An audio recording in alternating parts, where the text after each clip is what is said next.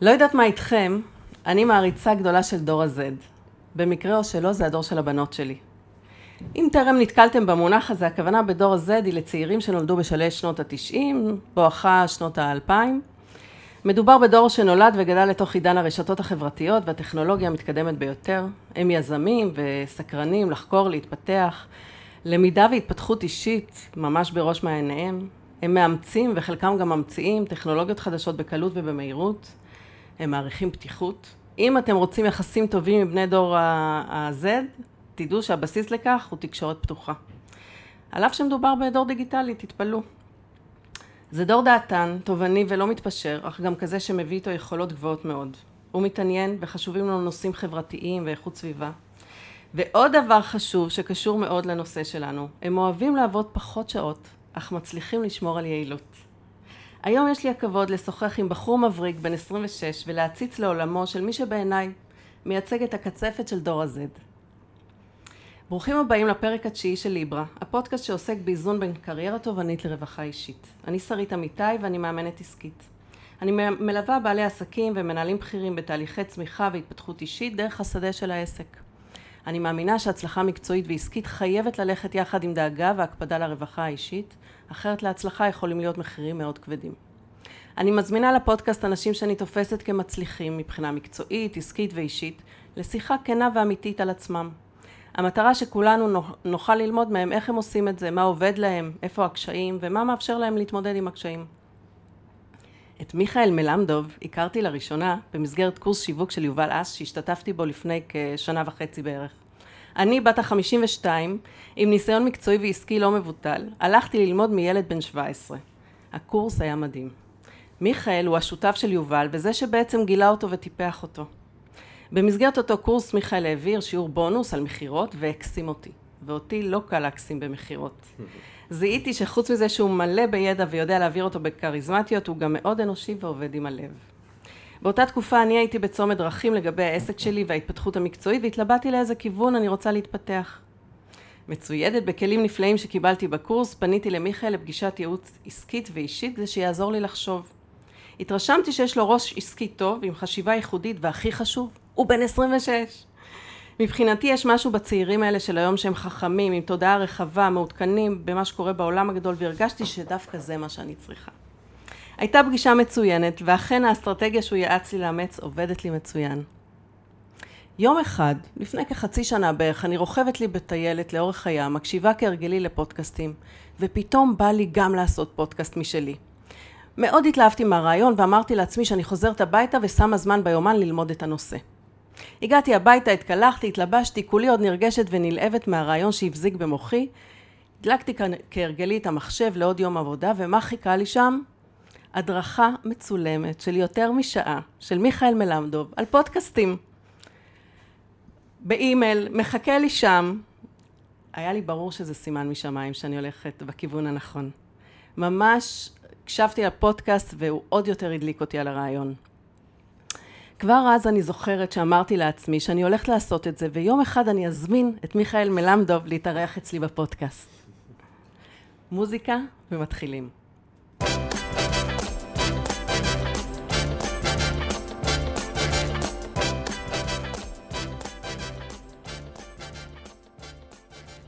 שלום מיכאל. שלום רב.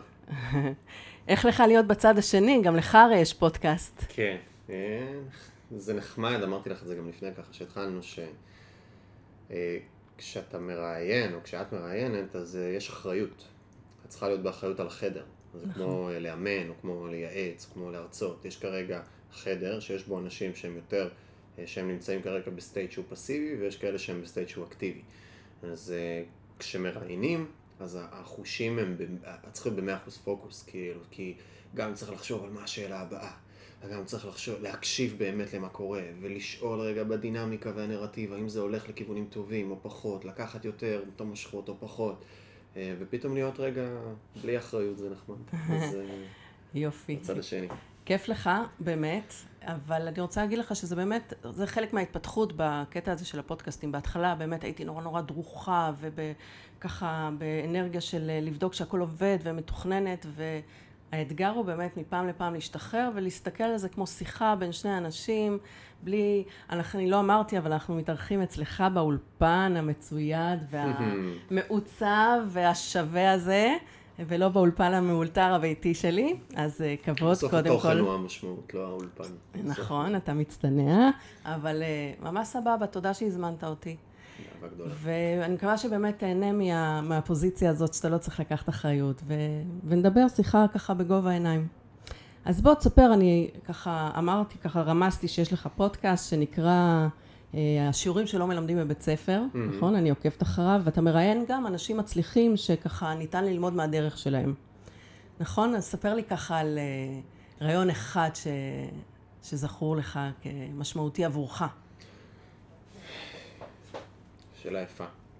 אמ, אני חושב שאחד הרעיונות האחרונים שעשיתי, עשיתי עם רוני קובן. אה, וזה מתקשר בדיוק למה שיכול להיות אולי שבכל רעיון יש בסוף בן אדם, אה, לרוב האנשים שאנחנו, שאני מראיין הם אנשים שעשו דברים יוניקיים, מעניינים, קצת אחרים, אה, שהסטטוס החברתי שלהם הוא די גבוה ויש להם הצלחה בתחום מסוים. אז בכל פודקאסט יוצא לי גם להכיר בן אדם נפלא, שהוא נמצא, אני קורא לזה ב-1% כתפיסה, באותם 1% אנשים שהם, שהם שנים, שעושים, שהם נמצאים ב, ב, ממש ב... על האברסט, אז יש דגל, ועל הדגל יש תפוח, ועל התפוח יש את הגבעול, אז בקצה שלו שנמצאים שם. אז מכל פודקאסט יוצא לי באמת אה, ללמוד לא מעט ולהכיר אנשים נפלאים. אה, אבל הפודקאסט האחרון הזה גם משהו שקצת מעסיק אותי באותו הקשר, היה עם רוני קובן. אה, שגם אנחנו מכירים אותו גם מעובדה וגם מהסדרה יוצאים מהכלל וגם מפגישה עם רוני קובן, מראיין אחד הפוריים בישראל ב-20 שנה האחרונות.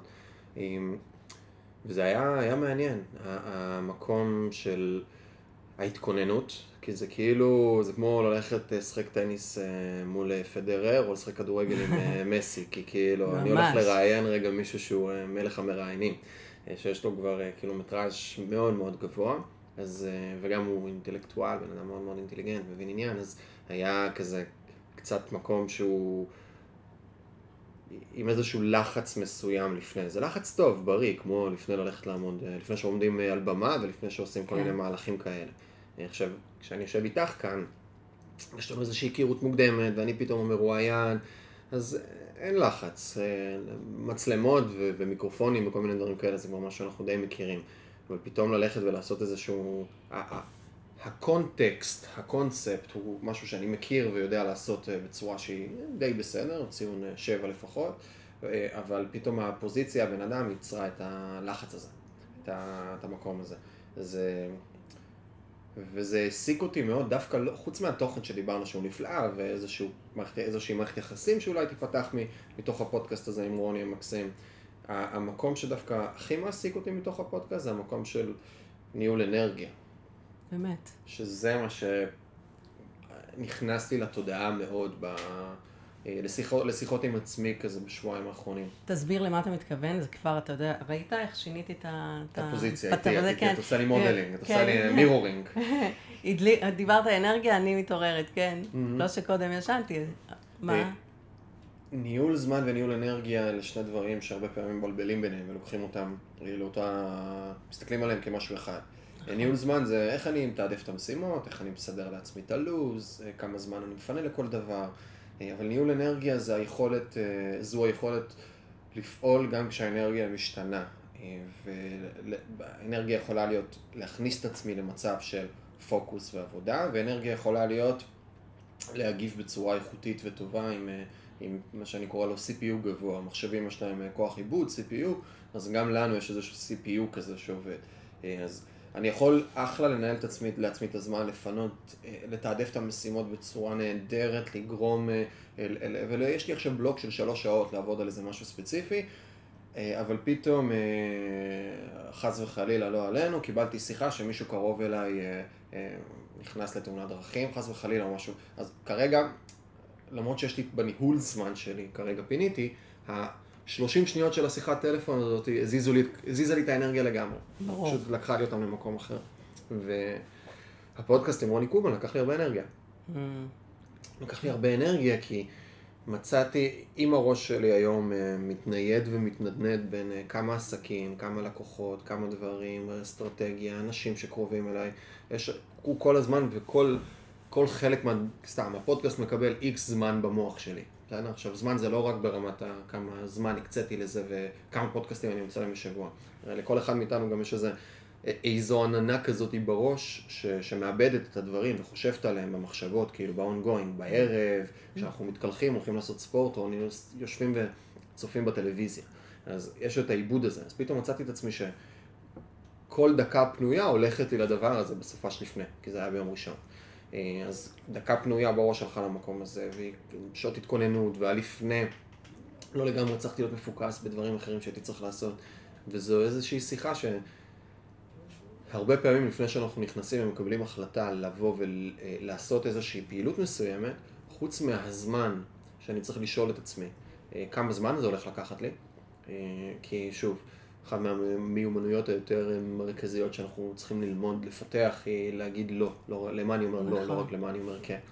אה, את יכולה, אני מניח, ללמד אותי את הדבר הזה, כי מפאת הטראק רקורד שכבר יש לך, וה... הזמן הכרונולוגי ש...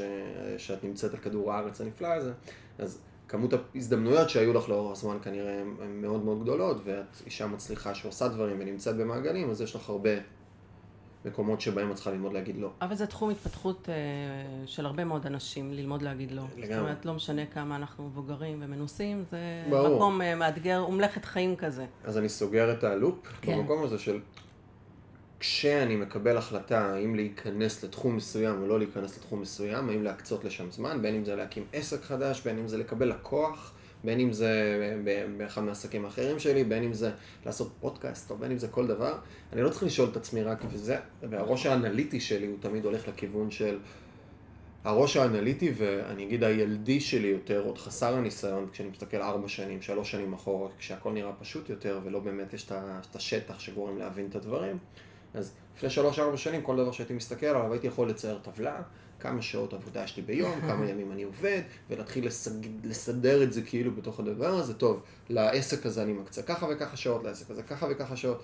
והיום כבר בהסתכלות קצת יותר בוגרת, המקום של להגיד לא, למה להגיד לא ולמה להגיד כן, גם יושב לא רק על כמה זמן אני אצטרך להקדיש לאותו דבר, אלא הדבר הנוסף שיהיה זה כמה אנרגיה זה ייקח לי. לגמרי. כמה אנרגיה. אני באמת, אה, כשאני מדברת על ניהול זמן, אני לגמרי מתייחסת לזה בהקשר של ניהול אנרגיה, זאת אומרת, גם את משבצות הזמן שאתה מתאר, שאתה מתכנן ביומן, נורא חשוב לקחת בחשבון מה מטעין אותנו באנרגיה, יש משבצות זמן שמטעינות אותנו, יש משבצות זמן שמרוקנות אותנו, שדורשות מאיתנו מאמץ. חלוטין. וזה נשמע, שהתהליך שאתה מתאר שעברת נוכח הרעיון של רוני קובן, זה נשמע שזה מסוג הדברים שמוציא אותנו מאזור הנוחות. זאת אומרת שאנחנו צריכים לשים שם, אם אנחנו, יש, אתה יודע, יש את המטרות שאנחנו יודעים איך להשיג, אה, ראיינת כבר הרבה אנשים ושאתה מכיר, ומהמיליה שלך אולי פחות או יותר, ומהאזור של, ה, של העולם העסקי שאתה מכיר, אז זה עוד אחד. אבל פה יש כבר משהו אחר קצת, וזה דורש, יש קודם כל, יש חורים, יש אה, ככה חוסר בהירות ואי ודאות לאן זה בדיוק ילך, נכון? זה שונה קצת, השאלות קצת אחרות. ובאופן טבעי זה, זה גם, כמה שזה מרגש, ואני בטוחה שהיה לך מאוד מרגש לראיין את אה, רוני קובן, זה גם מלחיץ ומפחיד. אגב, לא יודע אם להגיד מרגש. אה, וואלה? כן. אותי זה היה מאוד מרגש, אז זה שלי. אני מאוד uh, בשנים האחרונות, לצערי ולשמחתי, מאוד סיפחתי איזה פילוסופיה שנקראת סטואיזם, שמאוד מלווה אותי, והיא ייצרה איזשהו רף אדישות מסוים. אז. המילה מרגש, אני לא הייתי אומר שהיא נכונה, מבחינתי לפחות, אלא הייתה יותר מקום של כן איזה לחץ בריא כזה שהוביל אותי לזה. Uh, אבל זה משהו שאני גם, האסטרטגיה אצלי בפודקאסט והתפיסה, למה אני עושה אותו, או לפחות, יש הרבה סיבות, אבל העיקרית, העיקרית, אה, היא חיבורים עם אנשים נהדרים ונפלאים. דיברנו על זה מקודם. נכון, תספר על זה קצת, באמת. אנלוגיה, אנלוגיה של גרי ויינרצ'ק, שהוא אומר, אה, פודקאסט זה כמו להיות הילד הלא הכי מקובל בשכבה, אבל שיש לו בית ריק, אז הוא יכול להזמין לשם את המקובלים. אז אה, זה כזה, כאילו, נקודת חיים שאני נמצא בה כרגע, אני עוד ילד בן 26, לא הגעתי מאיזושהי משפחה מיוחסת שפתחה לי דלתות או משהו בסגנון, ואני בונה את עצמי לאט לאט. אז כדי לקפוץ את המדרגה ולהכניס אנשים אה, שהם נמצאים כבר ב, לא יודע מה, עשר מדרגות אה, מלפניי, אגב, לא, לא בהכרח אישית, התפתחותית, אינטליגנטית, לגמרי. אלא סטטוס חברתי, ניסיון חיים, מקום שהם נמצאים בו, ממון במקרים מסוימים וכולי. אז פודקאסט הוא פלטפורמה נהדרת שמאפשרת לעשות את הדבר הזה, ואגב זה גם בסוף חייב להיות שיהיה חיבור אישי בין, בין, ביני לבינם, ובינם לביני, וכאילו זה לא רק באתי הבאתי אותם לפודקאסט והנה בניתי קשר, זה לא עובד ככה, צריך גם חיבור אישי מן הסתם, אבל זאת איזושהי... שזה אתה יודע לעשות טוב מעולם המכירות. או שזה גם כישרון שלך. אמ, אני, אפשר להיכנס פה לשיחה ארוכה סביב הנושא הזה של תקשורת בין אישית. אה, בדיוק אגב צילמתי גם איזה כמה הדרכות סביב הדבר הזה, שאני רואה בסוף בתקשורת בין אישית, מכירות הוא, הוא, זה מכירות, זה שיווק, זה עמידה אה, מול קהל, זה משא ומתן, זה אה, כל דבר, זה, זה אפילו לבנות, לעשות פודקאסט, לא משנה, כל דבר שאנחנו עושים בסופו של דבר, בהינתן אנחנו יודעים לנתח אותו כמו שצריך, אפשר לקחת ממנו למקום הבין אישי, כי בסוף זה כל אנשים. אם רוצים שזה יעבוד, חייבים שזה יהיה מבוסס לדעתי, לפחות על התקשורת הבין-אישית באמת. ברור, ברור, ברור, ברור. על החיבור הזה. זה חייב להיבנות בצורה אוקיי. הזאת. עסקים לא עושים בין אנשים הרי, בסופו של דבר. כן, לגמרי, אז בסוף זה, וזה נגיד skill לפודקאסט קוראים השיעורים שלא למדתי בבית ספר, והוא יושב על מותג קצת יותר רחב שאני בונה אותו לאט לאט, לא ב full focus. אז רגע, בוא נעצור, נלך רגע שני צעדים אחורה, ותציג את עצמך, מה אתה עושה? אה, שאלה מצוינת. אתה עושה הרבה דברים, אתה לא שותף בכמה עסקים. לא יודע איך להציג את עצמי לגמרי, אה, תמיד מדברים על זה בקורסים, בסדנות, אתה יודע להציג את עצמך ב-30 שניות, זה אה, פחות הז'אנר. אבל בגדול אני היום, יש לי כמה עסקים שאני שותף בהם. אחד מהם זרקתי קודם, האס אה, מדיה של יובל האס, שזה עסק שעושה קורסים וסדנאות בעולמות של אה, שיווק לבעלי עסקים, אה, שלרוב בעלי העסקים שם הם מחזורים שנעים בין 10 ל-40 אלף שקלים, זה עסקים שהם קהל יעד של פרילנסרים, שהוא מקום באמת יותר של education, ללמד עסקים לפעול בצורה הזאת. יובל ממנכ"ל אותו, אני בצד האסטרטגי, אנחנו שותפים שווים, הקמנו אותו ביחד לפני ארבע שנים, שהוא כמובן מוביל, הוא בפרונט. קורס מדהים, שהיה לי לעונג, זה היה מדהים, הייתי בקורס, היינו 50 איש בערך, mm-hmm. היו איתנו ילדות בנות 14-2 ש, שרוצות להיות יוטיובריות, והיה איתי מבוגר בן 70 פלוס, אה, סליחה אם הוא שומע, אה, אבל, אה, ו, וכל מה שבאמצע, זאת אומרת כל הגילאים באו ל, לשמוע את יובל, והיה מדהים. היופי הוא אגב, שזה בדיוק, זה חוזר למקום של מה שזרק מקודם על מכירות, ש... כל הקורס של יובל זה לא בסוף איך ללחוץ בפייסבוק על קליק, אלא נכון. זה בסוף פסיכולוגיה שיווקית. והפסיכולוגיה שיווקית יושבת על הפסיכולוגיה האנושית. אז כל הקורס נבנה בתצורה כזו של בסוף מה הטריגרים שמניעים אותנו, מה מזיז אותנו בחיים האלה כבני אדם. ועל בסיס זה לבוא וליצור את המסרים שלנו. אה, לבנות את ה storytelling, לבנות את התהליכים השונים, להבין את האמונות המקבילות, ההתנגדויות, את הזהות של הבן אדם, זה כל מיני שיחות שהן הרבה יותר אה, עמוקות, וזה מאפשר איזו פריזמה רחבה כזאת, גם באמת שהיא מעניינת, והרבה מהאנשים שעברו את הקורס הזה, אבל הקורס זה לא העניין, אלא הקורס, או נוגעים בתכנים האלה בצורה כזאת או אחרת בחיים שלהם, זה, אה, זה משפיע עליהם מאוד על החיים. זה, אה, כשהם צריכים להגיד לילד ללכת להיכנס למקלחת, אז הם משתמשים, ב, הם משנים את הנוסח של המשפט כדי לשכנע אותו יותר כן. ולהניע אותו יותר. אין ספק שזה הרבה מעבר לצילום אה, סרטוני וידאו. לגמרי. אה, אוקיי, זה עסק זה אחד יובל, שלך, שאתה שותף בו.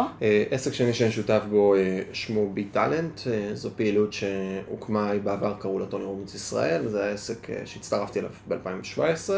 והיום גם אנחנו מוציאים משלחות לטוני, בתקופת קורונה קצת פחות, לסמינרים של רובינס בחו"ל וגם כל מיני מנטורים אחרים, ובארץ יש לנו שיתופי פעולה עם אה, כל מיני מנטורים שונים, שאנחנו למעשה מין סוג של בית כזה להתפתחות אישית, אה, שאנחנו מביאים אנשים שיש להם יכולת אה, טובה לתת איזשהו ערך, בין אם זה אילן הייטנר הסופר, לסדנאות כתיבה, ובין אם זה גלית פילוסוף היקרה תיגע בעולמות של כסף, ובין אם זה אלי שחף שידבר על הרגלים בהתפתחות אישית, ובין אם זה צד של NLP, וכל מיני סדנאות שאנחנו עושים, כנסים, אירועים וכאלה. אה, זה עסק נוסף שאני שותף בו, יחד עם אבי קאופמן, חבר, חבר מאוד טוב שלי, ופעילות שלישית שהיא, אני יכול להגיד, הדיי ג'וב שלי, אה, אמלין מדיה, שאנחנו עכשיו יושבים פה במשרדים, שאמלין היא הסוכנות דיגיטל, אה, דיגיטל ושיווק. שהיום אנחנו צוות, היא הוקמה לפני שנה בארבע, משהו כזה, צוות של חמישה עובדים, יחד עם עוד ארבעה פרילנסרים שעובדים איתנו במתכונת שהיא די אה, משרה מלאה כזו.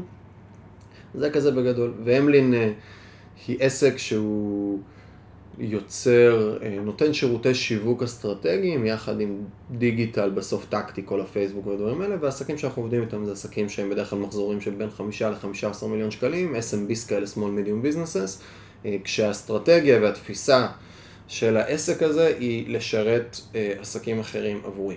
אה, זה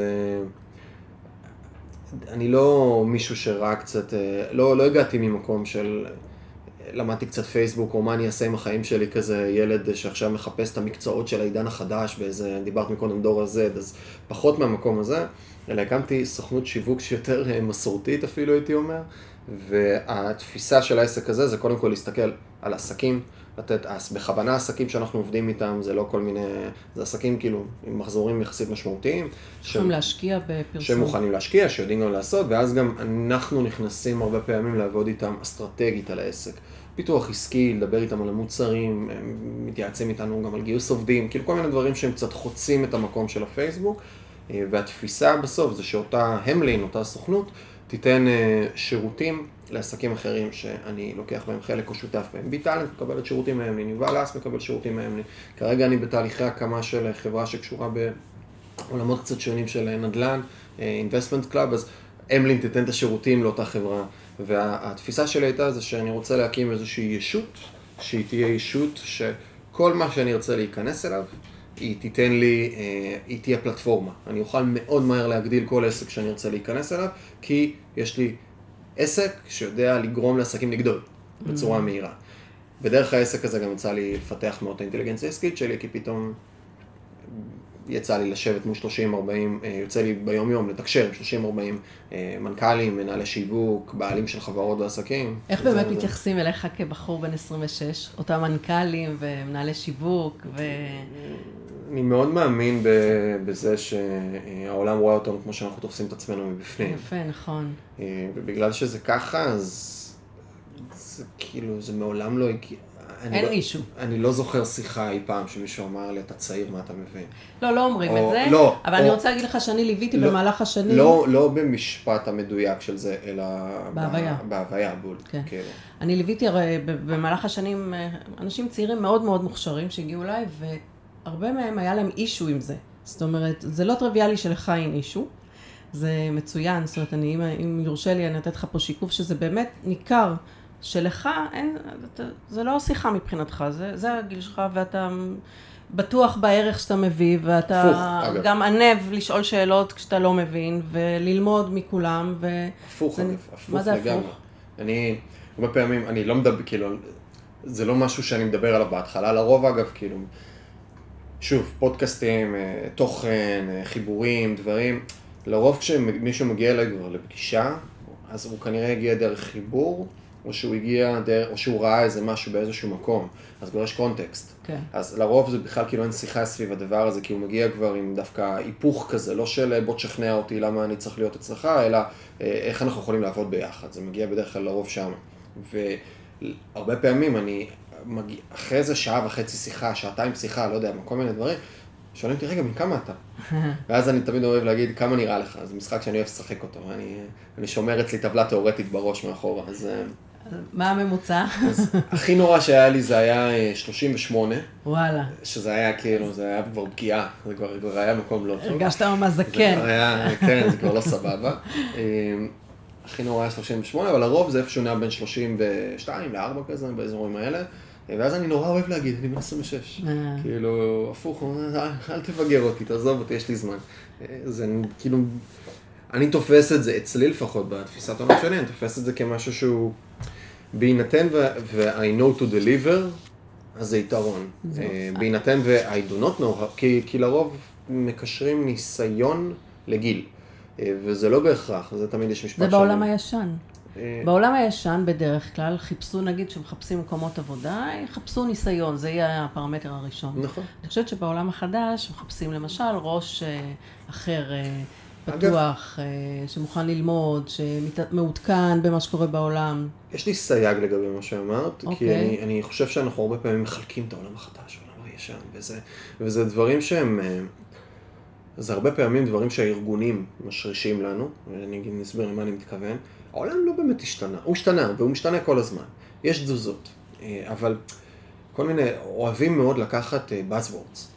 אה, כמו storytelling, וכמו אה, אה, מיתוג employee, מיתוג employee, וכל מיני מילים כאלה שהן גבוה גבוהה גבוהה, ולספח ולהרגיש שאנחנו כאילו חדשנים. storytelling מאז ומעולם היה. נכון.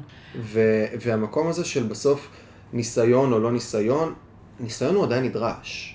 והבנה, ואני יודע להגיד עליי היום בן 26, שזה עדיין ינוקה, ולמול מה שאני הייתי בגיל 22, מה שמפריד בין 22 ל-26 זה לא הפוטנציאל, האינטלקט, ה-IQ, האינטליגנציה הרגשית, זה הניסיון בארבע שנים האלה, אבל בארבע שנים האלה הניסיון היה נורא dense, הוא היה צפוף מאוד, הוא היה, הוא היה הרבה דברים במקביל. 350-400 שעות עבודה כל שבוע, אה, ויתור על אה, מסיבות, חולים, כל מיני דברים, אה, סביבה של אנשים שהם ב-level מאוד מאוד גבוה, הרבה מאוד למידה, ואז הניסיון שפשוט אולי יכל להתפרס לעשר שנים, היה בארבע שנים, אני מדבר על, נכון, על עצמי. נכון, אבל יש עוד משהו, אתה יודע, אני, ב... הבת שלי בגילך, היא בת 27, קצת יותר גדולה ממך. ואת המחשב הראשון קנינו כשהיא הייתה בת שנתיים, כדי mm-hmm. שהילדה תוכל לשחק אה, במשחקי מחשב, זה היה... שיהיה לכם קצת שקט. הטריגר. וגם אנחנו ככה נכנסנו לאט לאט לאט לאט, ואין ספק שהעובדה שאתם גדלתם לתוך, אה, מעניין אותי גם מה אתה חושב, כי אנחנו, אני כמייצגת את דור ה-X, אמביוולנטים הרבה פעמים לגבי מסכים. מצד אחד אי אפשר בלעדיהם, מצד שני הם גזלני אנרגיה, ואנחנו ככה, אבל אתם גדלתם, זה, זה המציאות שלכם. עכשיו, למה אמרתי קודם שהניסיון, כבודו במקומו מונח, אבל יש לך איזשהו ערך מוסף ש, ש, שאתה נולדת לתוך העולם הדיגיטל, שהיום הוא מאוד מאוד uh, חזק, ומה שבשבילי זה לוקח, uh, בשבילי uh, ללמוד איזה אפליקציה, בשבילך זה כאילו בעיניים עצומות, אני מניחה, תקן אותי אני, אם אני טועה. ולהתעדכן, לא סיפרנו, לא סיפרת, אני אספר שכל יום חמישי, אני ועוד רבים וטובים כנראה, כמה יש לך ברשימת תפוצה של חמישי בחמש? 25 אלף, 25? כמה אנחנו? 25? 24 כזה. אוקיי, 25 אלף אנשים מקבלים כל יום חמישי את האימייל ממך, שנקרא חמישי בחמש, שאתה אוסף חמישה דברים, ככה מעוררי השראה. אני, יש כל מיני... השם משפחה נגיד שהוא מלמד וכל מיני כאלה קטנות שהן לא מעניינות. החמש וחמישי כן, זה, זה לא חמישי וחמש, זה חמש וחמישי. אה, חמש וחמישי, אוקיי. כי אולי אם מישהו ירצה איפשהו להצטרף בגוגל, אז החמש וחמישי. מומלץ בחום, אבל אפרופו, מיש, אני לא יודעת אם אתה אמון על זה, הבן זוג שלי ביקש למסור שהוא שלוש פעמים נרשם, אני מעבירה לו כל יום חמישי, והוא לא נקלט, אז אני מבקש, ואני מעבירה להרבה אנשים, אז אה, שלא תפספסו כמה טובים. אני אדבר עם האחראי הטכני שלנו על העניין הזה. כן, אז אה, נזכרתי עכשיו. בכל אופן, אז ה... עוד פעם, חמש... חמש וחמישי. חמש וחמישי. זה חמישי, חמישה פריטי השראה אה, מקסימים שאתה אוסף במשך אותו שבוע. וקודם כל, מה שכל יום שאני מקבלת את זה, כל יום חמישי, אני יום, שני, שני דברים אני אומרת, מתי לעזאזל יהיה לי זמן לצפות בכל מה שאתה שולח שם, וקנאה, מתי לעזאזל לך יהיה זמן לראות את כל החומר הזה, אפרופו העולם החדש, כאילו מדהים. איך אתה מגיע לזה? זה, זה משבצת זמן ביומן או שזה על לא. הדרך? אה, קודם כל, יש מן הסתם כל מיני... יצא לי לדבר על זה במקרה אתמול בצורה רחבה. אחת הסיבות, לדעתי, אה, הרבה פעמים אנחנו מחפשים נוסחה להצלחה. מחפשים את הנוסחה, את השבע שלבים, את השמונה פה, את השמונה שם. ואני מאוד, אה, אני, בסוף חושב שכל אחד מאיתנו הוא ישות שהתהוותה אה, מאחד מה-DNA שהגענו איתו לכדור הארץ, ושתיים, זה מהחוויות חיים שעיצבו אותנו ובנו אותנו, ולכל אחד יש נוסחה שהיא שונה מאוד לאותה הצלחה ולאותו תהליך להגיע לאיזשהו מקום. והרבה פעמים כשאני רוצה לבוא, וביחד עם זאת, הרבה מההצלחות של אנשים אחרים, הם בסופו של דבר לא מאיזושהי נוסחה או מאיזשהו משהו, אלא מאיזושהי אינרציה שנוצרה להם בחיים. נכון. שפתאום, פתאום מצאתי את עצמי בצבא, פתאום יצאתי לקצונה, פתאום אה, תפקיד אחד התפנה, אז אה, קודמתי יחסית מהר, ואז אה, הלב שלי דפק מספיק פעמים, וחייתי מספיק פעמים עד שהגעתי לגיל 26-7, בגלל שאני קרבי הפכתי לרב סרן, וקיבלתי החלטה להישאר שם, וטק טק טק, ואני מוצא את עצמי אביב כוכבי. בסדר? אני מוצא את עצמי רמטכ"ל. עכשיו, כמובן שבסוף צריך יכולת אישית, וצריך כישרון, והרבה מיקרו קבלת החלטות בתוך התהליך הזה, אבל הרבה פעמים יש דברים שפשוט המסגרת או האינרציה שאנחנו נכנסנו לתוכה, כבר יש איזשהו, איזושהי קרן זווית של אופציות שהולכת לקרות לנו, ואני בתוך הדבר הזה. אז אני בן אדם שמבין, בסדר, למדתי את הדבר הזה שנקרא אינרציה ולייצר לעצמי מסגרות ואילוצים חיצוניים שיגרמו לי לעשות דברים. אז זה שעכשיו אנחנו חושבים בחדר של פודקאסטים, שלקחנו משרד, עברנו למשרד ממשרד קטן יותר למשרד של 109 מטרים, שחדר שלם הפקענו לטובת סטודיו ואולפן. וכן, אולי אפשר להשכיר אותו ואולי אפשר לעשות כל מיני דברים, אבל המוטיבציה העיקרית לזה שיהיה פה חדר, זה זה שאני אשלם כל חודש, שכירות יחסית של 2,500-3,000 שקלים, על אולפן. והבאתי פה בן אדם שיקבל שכר עבור הדבר הזה. למה הבאתי את שניהם לכאן? גם לקחתי את האולפן, כי עכשיו אני מחויב לעשות פודקאסטים. כי אני מבין, אני מבין מה המשמעות של זה ברמת יצירת הקשרים, וההתפתחות האישית שלי, והלמידה וכל מיני כאלה, אז יצרתי לעצמי מסגרת שתייצר לי את האינרציה כבר להיות בתוך הדבר הזה. כי נורא קל לוותר על פודקאסט, בסדר? כש... אני אחראי על זה ואין אף אחד שעושה את זה עבורי, אין לי עובד שאחראי על הדבר הזה, ואין לי אולפן וצריך עכשיו לבוא ולסדר ולעשות ופה ושם. ועצם זה שכבר הושקע כל כך הרבה, הושקעה תקורה כל כך גדולה, זה מייצר לי כבר אנרציה לעשות את זה. אז באותו הקשר ללמידה, אני לוקח את זה למקום הזה, יצרתי לעצמי, קודם כל, את ה, אפילו החמש בחמישי הוא קונטקסט ואילוץ חיצוני לאינרציה. שיאלץ זה אותך כביכול, ל... כן, כי זה, זה, וזה משליך על איזשהו אלמנט יותר עמוק ברמת ההוויה הפנימית שלנו. כל אחד מאיתנו יש את הזהות שלו. בסדר, יש לנו, את יכולה שוב ללמד אותי את כל הדברים האלה, זה, יש סיטואציות שקורות לנו בחיים, שבונות לנו אמונות מסוימות, והאמונות האלה בסוף, הסט, סל אמונות מרכיב לנו זהות, זהות או זהויות שונות, בסדר? נכון. אה, אני אבא טוב, אני אבא רע, זו זהות אחת, זו זהות שנייה. מישהו עשה כמה דברים לא טובים, הביא את הילד שלו, לא יודע מה, בגיל 22, נכ- בגיל 14 נכנס אה, לבית סוהר, או לאיזשהו מוסד לעבריינים צעירים, הזהות של אותו אבא יכולה להפך להיות אבא רע לצורך העניין, בסדר? אז הזהות שאני מנסה לספח, שאני סיפחתי לעצמי גם חיצונית, אבל זה גם מגיע ממקום פנימי, היא של אותו אחד שהוא למדן. זאת זהות. כאילו ש... מתוך בחירה, אתה אומר. שזה גם- לא נקלעת לזה במקרה, כי איכשהו החיים ליטבו אותך, אלא זה משהו שמתוך הבנה, דרך אגב, יש על זה ספר אה, ותיק של דיפק צ'ופרה, של כוחם של צירופי מקרים, שאומר, כולנו בדיעבד יודעים להגיד איך התגלגלנו לכל מיני מקומות, והיה ומה- שש ברטרוספקטיבה. כן, אבל כל החוכמה זה לעשות את זה בזמן הווה, לייצר את המקומות האלה, ואתה, זה בעצם מה שאתה מדבר, אתה מייצר לך אז- מבנים לקיום. כן, מבנים אותך. לקיום זה, זו אמירה יפה, זו, זה frame יפה להגדיר את זה. זה כאילו, כן יש tendency טבעי, שלא תהיה, שלא יהיה איזה בלבול. זה אני- חייב ללכת זה. זה יהיה, כשעשיתי מבחן חוזקות של, אה, אה, של גלופ, כשעשיתי כן. מבחן חוזקות של גלופ, החוזקה הראשונה שלי למדן, בסדר? אני לא יודע אם זה, אה, עשיתי את זה כבר קצת אחרי שנכנסתי לאינרציה הזו, אבל קחי אותי לגיל 16, 15, 14, 13, 12, לגילאים צעירים יותר, לא למדתי כלום, לא קראתי, לא הייתי רואה תוכן, הייתי משחק במחשב ויושב עם חברים, מעשן נרגילה ו- אה, וכאילו, ואני מבריז מבית ספר. בית ספר לא- לא שנאתי, חנן, למדתי, כאילו. אותי הקונטרה הפוכה לחלוטין. אני בן אדם שלא יודע להסתדר בתוך מסגרות. אני חייב ליצור לעצמי את המסגרות שלי. כל, כל מסגרת שהייתה לי, אני זזתי מתוכה. אז אני אסיים רק את הקו מחשבה, אז באותו הקשר, לא נולדתי למדן. אבל עם הזמן, once נפתח אצלי הצוהר איפשהו בגיל 19, זה הפך להיות משהו שהוא נכנס לתוכו, והיום אני כבר הופך את זה ל... יש לי פודקאסטים, אז אני צריך ללמוד, אני... יש לי בין רעיון לשניים בשבוע, אז אני צריך ללמוד ולהכין את עצמי לפני זה לבן אדם. למשל, רוני קובן, אני חוזר אליו. יצא לי בגלל שהתכוננתי לפודקאסט, ואז נחשפתי לעולם שלם של דברים שהוא עשה. ראיתי רעיון עם ירון לונדון, ולמדתי על ירון לונדון ועל תפיסות, וראיתי ניואנסים בתוך הרעיון. וישבתי וראיתי סדרה שרוני קובן עשה על חנוך לוין. ארבעה פרקים נהדרים שהוא עשה בערוץ 11 לפני, ב-2017 זה יצא, כל פרק שעה. דרך הסדרה של חנוך לוין שראיתי, ארבע שעות ישבתי וראיתי את זה. למדתי את, ה, אה, את המורכבות של ההתייחסות הישראלית למלחמות. אה, אה, מה קרה, כי גם היום אנחנו בתוך זמן קורונה, ויש כרגע כל מיני דברים. עוד 20 שנה, אנשים שלא חיו בתקופה הזאת, יהיה, להם מורכב להבין באמת מה קרה כאן, ומה הייתה ההרגשה וזה. אז דרך חנוך לוין, דרך התרבות שמטרתה לבקר בהרבה מהדברים, למדתי על הביקורת שהייתה כנגד מלחמת, פשוט למדתי את, ה, את, ה, את הנוף תרבות הישראלי דרך הדבר הזה. אז הפודקאסט מאלץ אותי, החמש וחמישים מאלץ אותי.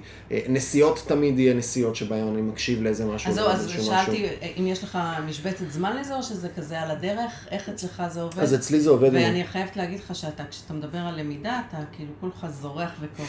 כאילו, זה רואים שזה דלק רציני, אפרופו. אנרגיה, לגמרי. שמתאים לגמרי, לפעמים אני כועס על עצמי שאין לי מספיק זמן ללמוד. עד אה, כדי כך. כן. אז מתי? מתי אתה מספיק את כל כמויות הידע הזה? קודם כל, אה, זה תקופות. לא אשקר שכל הזמן אני במאה אחוז פוקוס על הדבר הזה. אה, כי אני יודע להגיד, נגיד שבחודש וחצי האחרונים, אפילו חודשיים לא קראתי ספר אחד. ולרוב תמיד יש לי שלושה ספרים שאני קורא, ואני כל יום קורא. כי פתאום תקופה עמוסה של הרבה דברים. עברנו משרד, בנינו אולפן, עשינו פה, גייסתי צוות, קורונה, אני בפוקוס על מיליון דברים, אז פתאום קצת זז לי, זזה לי המשבצת הזאת של הקריאה. אה, אבל כל פעם כשתהיה לי פעולה, אין דבר כזה multitasking, בסדר? במוח האנושי לא יודע לעשות שני דברים במקביל, מסכימה אבל, איתך. אבל הוא כן יודע לעשות, אה, וזה רגע נצא לכהנמן לשנייה וחצי, System 1, System 2, יש לנו דברים שאנחנו עושים מתוך אינטואיציה, System 1, ויש לנו דברים שאנחנו עושים מתוך שיטה. אם אני אשאל אותך תוך כדי כמה זה 2 ועוד 2, את יודעת לשלוף לי מהר 4. אבל אם אני אשאל אותך 17 כפול 24, וכמה זה 48 כפול 12, ועכשיו תצטרכי לחשב את זה, את לא יכולה לעשות את זה במקביל. נכון. אה, אבל אני כן יכול לנהוג לצורך העניין, ולה... כי הנהיגה שלי זה ב system 1, במערכת האינטואיטיבית, ואני יכול להקשיב לפודקאסט. זה כל הסיפור של הפודקאסטים, שאנחנו כן, עושים פוד- את זה תוך כדי. פודקאסט רעיון לחלוטין. לפודקאסטים. אז מבחינתי כל פעם כשאני עושה משהו שהוא, אה, שהוא system 1, אני אתן כמה אנלוגיות, זה יכול להיות לנהוג, זה יכול להיות לצאת מהמשרד רגע וללכת לרכב, זה יכול להיות אה, עכשיו אני צריך שם קוד לקפל כביסה, בסדר? או לשטוף כלים, דברים שהרמת קשב שאני צריך כדי לבצע אותם היא אפסית כי אני עושה משהו שהוא מתודי וכבר הוא אינטואיטיבי לי, בכל פרק זמן כזה אני מאוד מאוד מאוד משתדל לדחוף ולהכניס לבפנים איזשהו משהו של למידה. אה, ובשביל זה יש לי את היוטיוב פרימיום, שזה ה-19 שקלים אולי הכי טובים שאני משלם אה, בעולם, שזה פשוט מאפשר לבוא וגם לשים את הטלפון בכיס רגע ולהקשיב לדברים.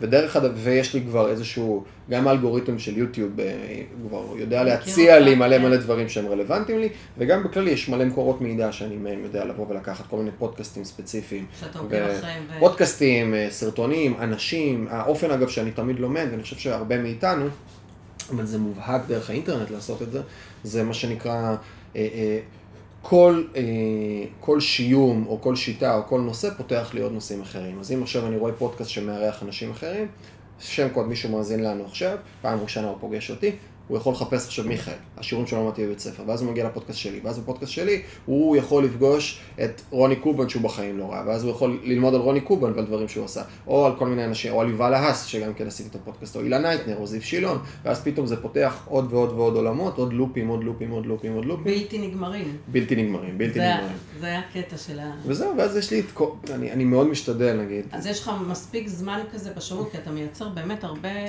אז לפחות יש לי, אני חושב לכולן, בסדר? יש לפחות בין חצי שעה לשעה אה, דברים שאנחנו עושים שהם בלי, בלי קשב ביום, לפחות. לפחות לפחות. רובנו נוסעים למשרד חצי שעה, לא חזור. זו, זו, זו כבר שעה ביום שיש לנו ספורט, לנצל אותה. כן. זאת שאנחנו עושים אתה עושה ספורט. ספורט? אפרופו... זאת שאלה אה, שהיא תקופתית. ניהול אה, אנרגיה? וזה... ספורט הוא משהו שהוא... עשר שנים שחיתי כשהייתי ילד, אה, אחר כך בצבא עשיתי עם עצמי איזשהו תהליך שינוי ורצתי מרתון, הגעתי למצב שאני רץ 16-17 קילומטר כל יום, אה, אחר כך כאילו זה משהו שהוא, יש לי נטייה למקום הזה, אה, אבל זה משהו שאני נלחם בו. אני, אני צריך לייצר לעצמי את ה... זה, זה לא משהו שהוא קל לי, אני לא בן אדם שקם בבוקר או מסיים את השבוע ואומר בואנה חסר לי הספורט. אני בלי ספורט מסתדר מצוין, אז כן? אני צריך להכריח את עצמי, ושוב אני אומר, בתקופה האחרונה, חודשיים, שלושה האחרונים, כמעט, אני כמעט ולא עושה ספורט. בדרך כלל מה שאני נמצא בתוכו זה פעמיים שלוש בשבוע שאני נמצא ב... אה, אני עושה קרוספיט בדרך כלל, בין פעם לשלוש. ואגב, שוב, אילוצים חיצוניים ופריים זה משהו שאני לא פנוי אליו כרגע, והוא אה, לא משהו שאני אעשה אותו, אבל אני מאמין שבשנה הקרובה אני אעשה אותו, והוא יכול להישמע קצת מופרך והזוי לאנשים מסוימים. אני רוצה להביא אה, מישהו שיהיה אה, סמנכ"ל הבריאות שלי. וואו, כמו מה שיש זה לי אומר? אה, מישהו שהוא אחראי על טכנולוגיה, מישהו אחראי על פודקאסטים, מישהו אחראי על, אה, על קופי, מישהו, אז אני רוצה שיהיה מישהו שאחראי לגוף שלי, שזה אומר אה, שהוא באחריות מלאה לזה שאני אוכל כמו שצריך, הוא באחריות מלאה לזה שאני אתאמן כמו שצריך, שזה כנראה מישהו גם יהיה, כאילו מאמן גם. כן. אה, זה מין אילוץ חיצוני כזה של מישהו שמקבל ממני אשכרה משכורת או איזשהו ריטיינר גבוה, שהוא ממש ממש, באח... המילה פה, המילת קסם היא אחריות, הוא באחריות על, ה... על הצד הזה בחיים שלי. כדי, כי אני יודע להגיד שאני בן אדם שהוא oriented mission, אני פחות הרגלים, אני פחות בן אדם של הרגלים, אני בן אדם של, יש לי משימה, אני יודע לחדור אותה, לקבל, להגיע אליה. אה, ופחות מישהו שיודע עכשיו לבנות את ההרגל של להתעורר כל בוקר בשעה חמש בבוקר ולעשות לעצמו את הסט הרגלים שרלוונטי עבורו. וואלה. אני, אני טיפוס אחר, אני צריך את המשימה. כשיש לי את המשימה, אני יודע להגיע. אז מה, אז המשימה תהיה בריאות? אז מה? once יהיה לי את האילוץ החיצוני הזה, בסדר? שיבוא וייצור, ייצור לי את המתודה, את השגרה היומית, את המטרות והיעדים, את הלשקול את עצמי פעם בשבוע, את ה...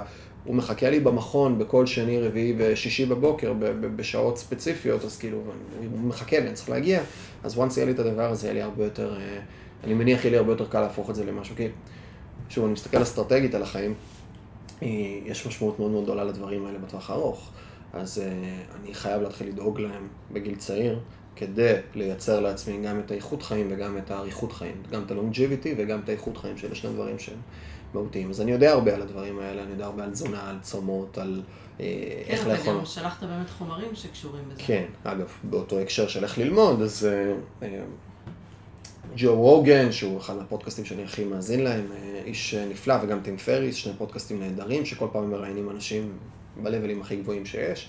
אז אה, שניהם ראיינו בחור בשם אה, פיטר עטיה, דוקטור פיטר עטיה, וממנו הגעתי... נכון, ראיתי את זה. ממנו הגעתי, אה, טחנתי עשרות שעות של פיטר עטיה. כל, היה לי איזה חודשיים שכל רגע פנוי שהיה לי זה תמיד לשמוע. אתה עושה את השיטה שלו, היא לא, היא לא פשוטה.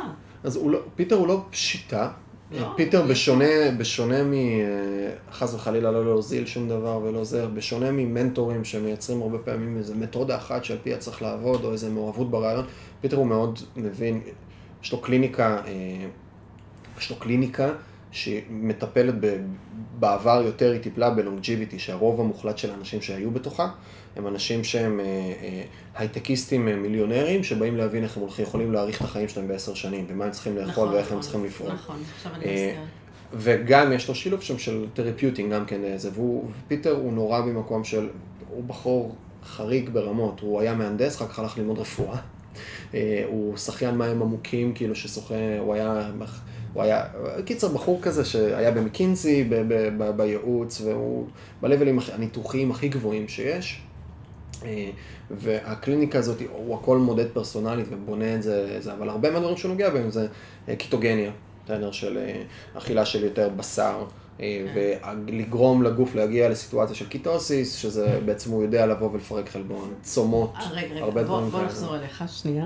אמרת בהתחלה, ששאלתי אותך איך זה להיות בצד השני, זה שאתה יכול אה, להתרווח, להיות פחות אקטיבי, פחות לקחת אחריות.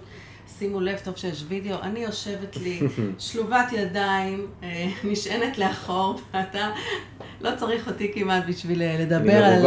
וואי, איזה כיף, ממש... תני לי את הטריגר, אני יודע לפתוח פה כן. אה, הרבה דברים של אה, לדבר, אני לא יודע כמה, כמה דברי טעם אלה, אבל לדבר הוא בטוח יש. וזה... ובדברי טעם, יפה מאוד. אבל האחריות היא בשאלת שאלות, לנתב את זה, ולא בלדבר. כן, אתה יודע, אני מניחה שחלק גדול מהשאלות שהכנתי מראש, לא... אני לא אגיע אליהם, וזה סבבה לי, מבחינתי זה רק... אה, אז תצקצקי אותי, תצקצקי אותי, כי אני כל אוקיי. נושא יכול לברבר. תגיד לי, אני, אני, כמה שאלות כזה שמסקרנות אותי באמת, אפרופו יאללה. הניהול אנרגיה, שאמרת שזה נושא ככה רגיש שאתה מקדיש לו זמן. איך, איך נראה שבוע טיפוסי שלך, ואיך אתה באמת מצליח לשמור על הבלנס, אם בכלל? כי שלושה עסקים שאתה שותף בהם, נכון? אתה ככה אמרת שהמלין זה בעיקר הדיי ג'וב שלך שאתה עובד פה. כמה שעות אתה עובד, איך, מתי אתה קם בבוקר, איך, מה, מה העוגנים ככה שמטעינים אותך באנרגיה? הבנתי שאחד ה, מהם זה למידה, וקראת לזה למדנות. אה, אז קודם כל אני אתן רגע איזשהו קונטקסט. אני ילד בן 26 בלי משפחה וילדים. אז המקום שאני ממנו מגיע, ואני מבין את זה, אני, אני מבין שבסוף משפחה וילדים זה משהו שאני כן ארצה, לא יודע באיזשהו שלב בחיי, אבל אני מבין שכרגע יש לי פריבילגיה מסוימת. בסדר, יש לי כרגע זמן פנוי שהוא אה, גדול יותר מאשר לאדם ממוצע אחר, וזה למה אני מסתכל על זה כשנות, חס וחלילה לא להגיד ששנים אחרות הן לא רלוונטיות, אבל אלה שנות זהב, כן. מבחינת ה- היכולת לייצר פרודקטיביות בתוכן, ברמה הכי פונקציונלית ובסיסית שיש. אה, אז הכמות שעות עבודה שאני עובד היא לא סטנדרטית. אני גם, אני יכול ללכת לאזור הקיצ'י של מה שאני עושה הוא לא באמת עבודה, ואני נהנה מזה, וכאילו אם היו שואלים אותי מחר בבוקר, אתה לא צריך לעשות, אה, יש לך מלא כסף ומלא זה, האם היית מפסיק לעבוד? השאלה, התשובה היא סימן קריאה לא, הייתי ממשיך לעשות כל מיני דברים, כי עשייה היא מהות, אז בגלל שאני עושה לביתי, ובגלל שה...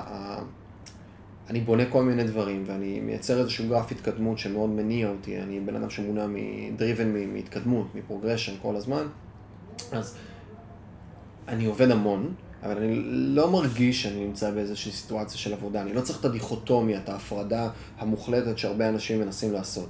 ואני חושב שהמילה שהשתמש בה, אה, אה, ג'ף בזוס אמר איזה משפט פעם שלי, אה, שהוא אמר, אין דבר כזה work-life balance, יש work-life harmony. והיא פרטית לחלוטין, היא של בן אדם פרטי. אז מה שאני אומר הוא נכון לי והוא חד משמעית לא בהכרח נכון לכולם, אבל אני עובד 16-18 שעות ביום בכיף. כאילו זה, זה כמות השעות עבודה וגם בשישי שבת.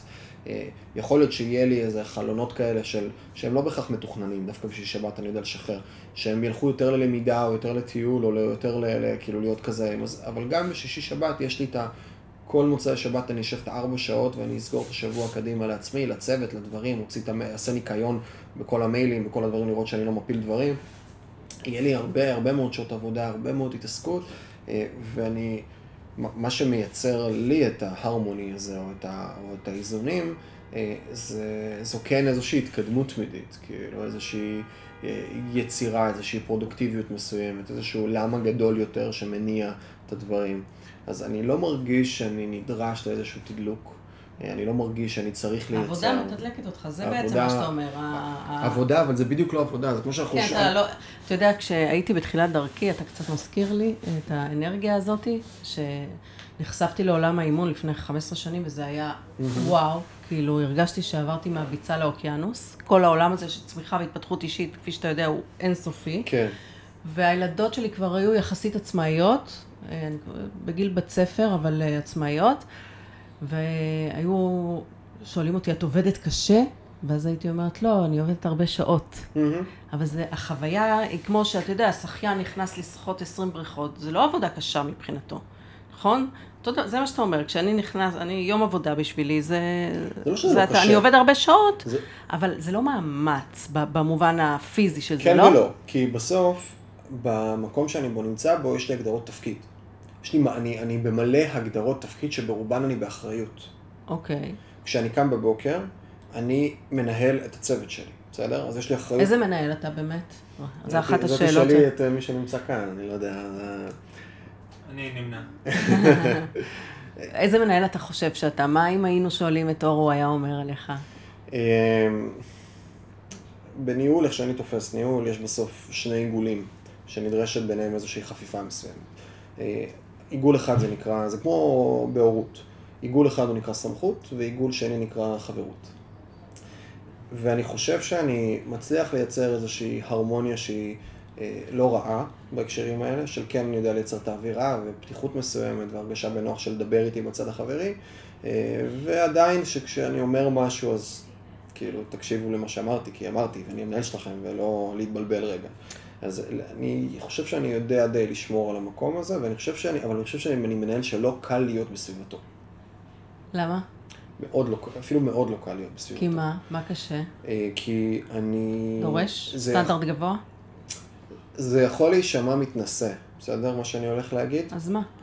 אה, יכול להישמע מתנשא, אבל אני לא רע במה שאני עושה, אה, ברוב הדברים שאני עושה.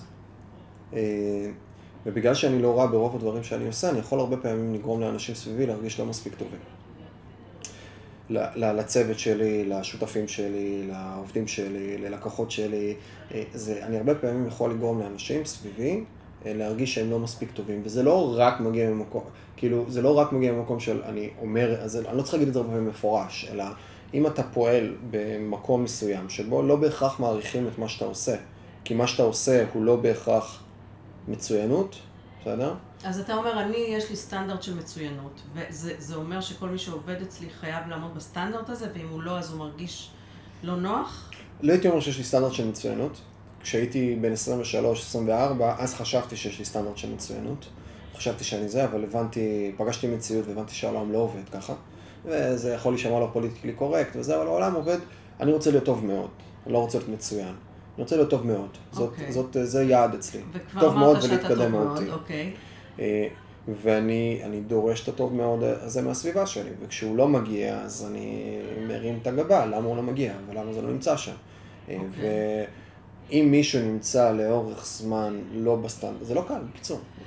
אני חושב, אני רוצה, אני מציעה להסתכל על זה אולי אחרת, ואולי באמת צריך אה, לשאול את העובדים שלך, אבל אתה יודע, כשנכנסים לעבוד במקום מסוים, יש פה, זה כמו דייט, זה, יש פה בחירה. גם אתה בוחר את העובדים שלך, גם הם בוא. בוחרים לעבוד, ויכול להיות שהם בוחרים, במיוחד, לעבוד במין מסגרת כזאת, אה, ש, שעובדים בה בסטנדרטים גבוהים, וש, וששואפים לטוב מאוד, לא נגיד מצוינות.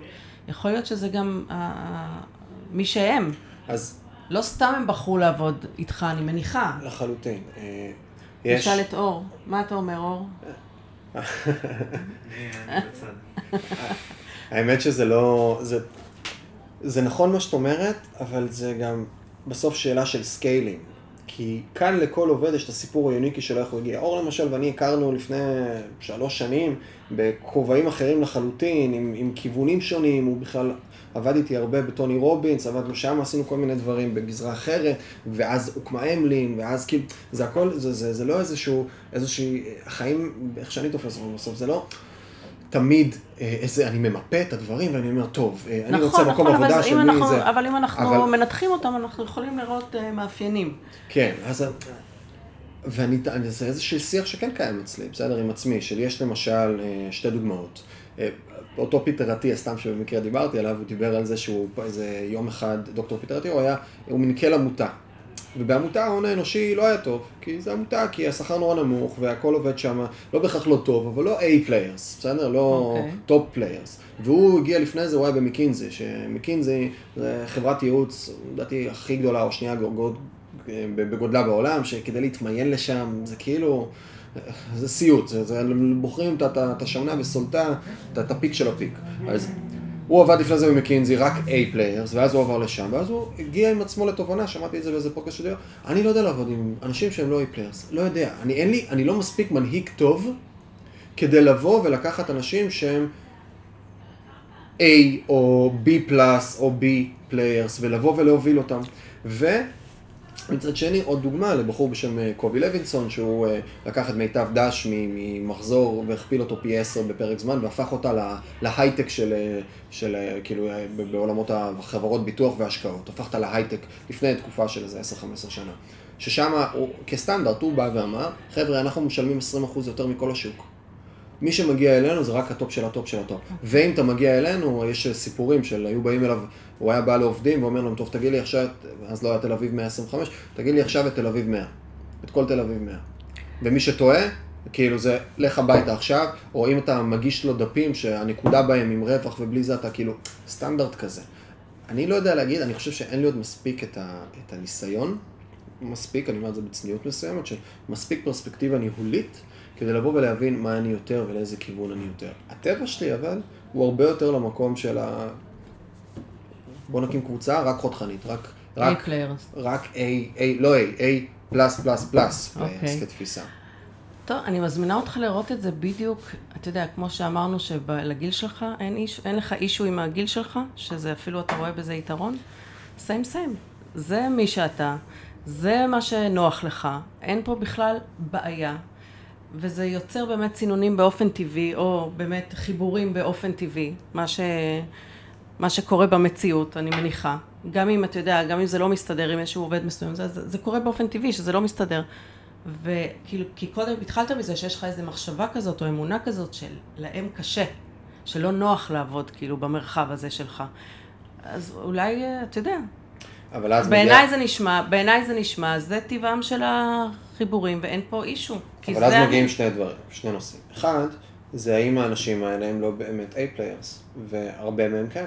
פשוט, האם, ואז השאלה אם אני נותן את הקרקע. כדי לקרוא. אז כי אני, זה- אני, אני, אני מעריך את עצמי כהיום כמישהו, שוב אמרתי, לא רע, בסדר? אני די טוב אפילו בהרבה בוא, דברים. בוא, למה בשלילי? בחיובי. די טוב. די טוב בהרבה דברים. היה לי הרבה, אני בבית ספר לא הייתי A player, ובצבא לא הייתי A player, ואחר כך גם כשהייתי אה. יועץ בחיל אוויר לא הייתי A player, כי לא קיבלתי את הקרקע. אבל אה, יקירי, הגיע הזמן לעדכן גרסה. אתה כבר מזמן שם. לא, אז אני לא, זה לא שיח עם עצמי היום ברמת אה, מסוגלות עצמית שלי וביטחון עצמי, אני מעריך את עצמי מספיק, אני נמצא בסדר ואני כבר קיבלתי מספיק פידבקים. אגב, זה לא קשור להערכה, זה לא קשור לערך עצמי, זה קשור לתפיסה העצמית. ושם הרבה כן, כן, כן, פעמים כן. אנחנו יכולים להגיד שאנחנו מעריכים את עצמנו, אבל עדיין לא תופסים את עצמנו במקום הזה. ופה מקבל, לפעמים צריך... מקבל אה, את החידוד ואת הדיוק. אה, אני מעריך ותופס את עצמי די בסדר, מעולה. כי ה... אני שוב, אני בן אדם נורא לוגי, אני לא רגשי. אני, יש בי רגש, אבל אני נורא נורא לוגי. והלוגיקה שלי יודעת לראות הרבה פעמים, טוב, אתה, אתה בן 26, מה יצרת, מה השגת, עם איזה אנשים ישבת, מה ההתעסקויות, ב-back of my mind, ולתת לי את הפידבק החיצוני שמאשרר לי בסופו של דבר את הפנימי, והיום אני כבר לא צריך את החיצוני. כבר נוצ... היה לי מספיק חיצוני, שגורם לי להבין שאני, שוב, די בסדר. אספת הוכחות. אספתי הוכחות שבנו לי, ואגב, שוב, זה גם משהו מעניין שאפשר לנתח אותו הרבה בעבר.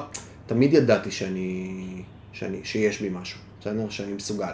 מגיל, מגיל צעיר. ומהבית, ההורים ההורים, אגב, דאגו לא הייתי אומר? דווקא לא, דווקא לא? לא, לא מהמקום שאתה יכול להיות כל מה שתרצה, ואתה זה, ואתה נפלא, ואתה לא, ממש לא, כאילו, במבט. לא, אתה גם יודע, לא, היום גם יש לא, אה, גם לא, גם לא, תיאוריות שלמות על מבט של הורים. של מבט שלו. כן, איזה- עם איזה מבט כן, כשאני אגיע. לפרספקטיבה הזאת, תתני לי את אנחנו ש- תכף ש- נשאל אותך לגבי זה. הזכרת קודם שאתה רווק, ובזכות זה אתה גם יכול לעבוד הרבה שעות, ואתה פחות עסוק ב- באיזון בין ככה בית או משפחה לעבודה.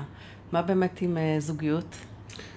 אה, הייתי ארבע שנים בזוגיות, אה, עם אדם נפלא, אה, באמת עם בר מדהימה, מדהימה, מדהימה, לב ענק, נפש, יפהפייה אמיתית, חכמה, מה שנקרא all package, אה, והוורקהוליקיות שלי די הרגה את את הזווית הזאת.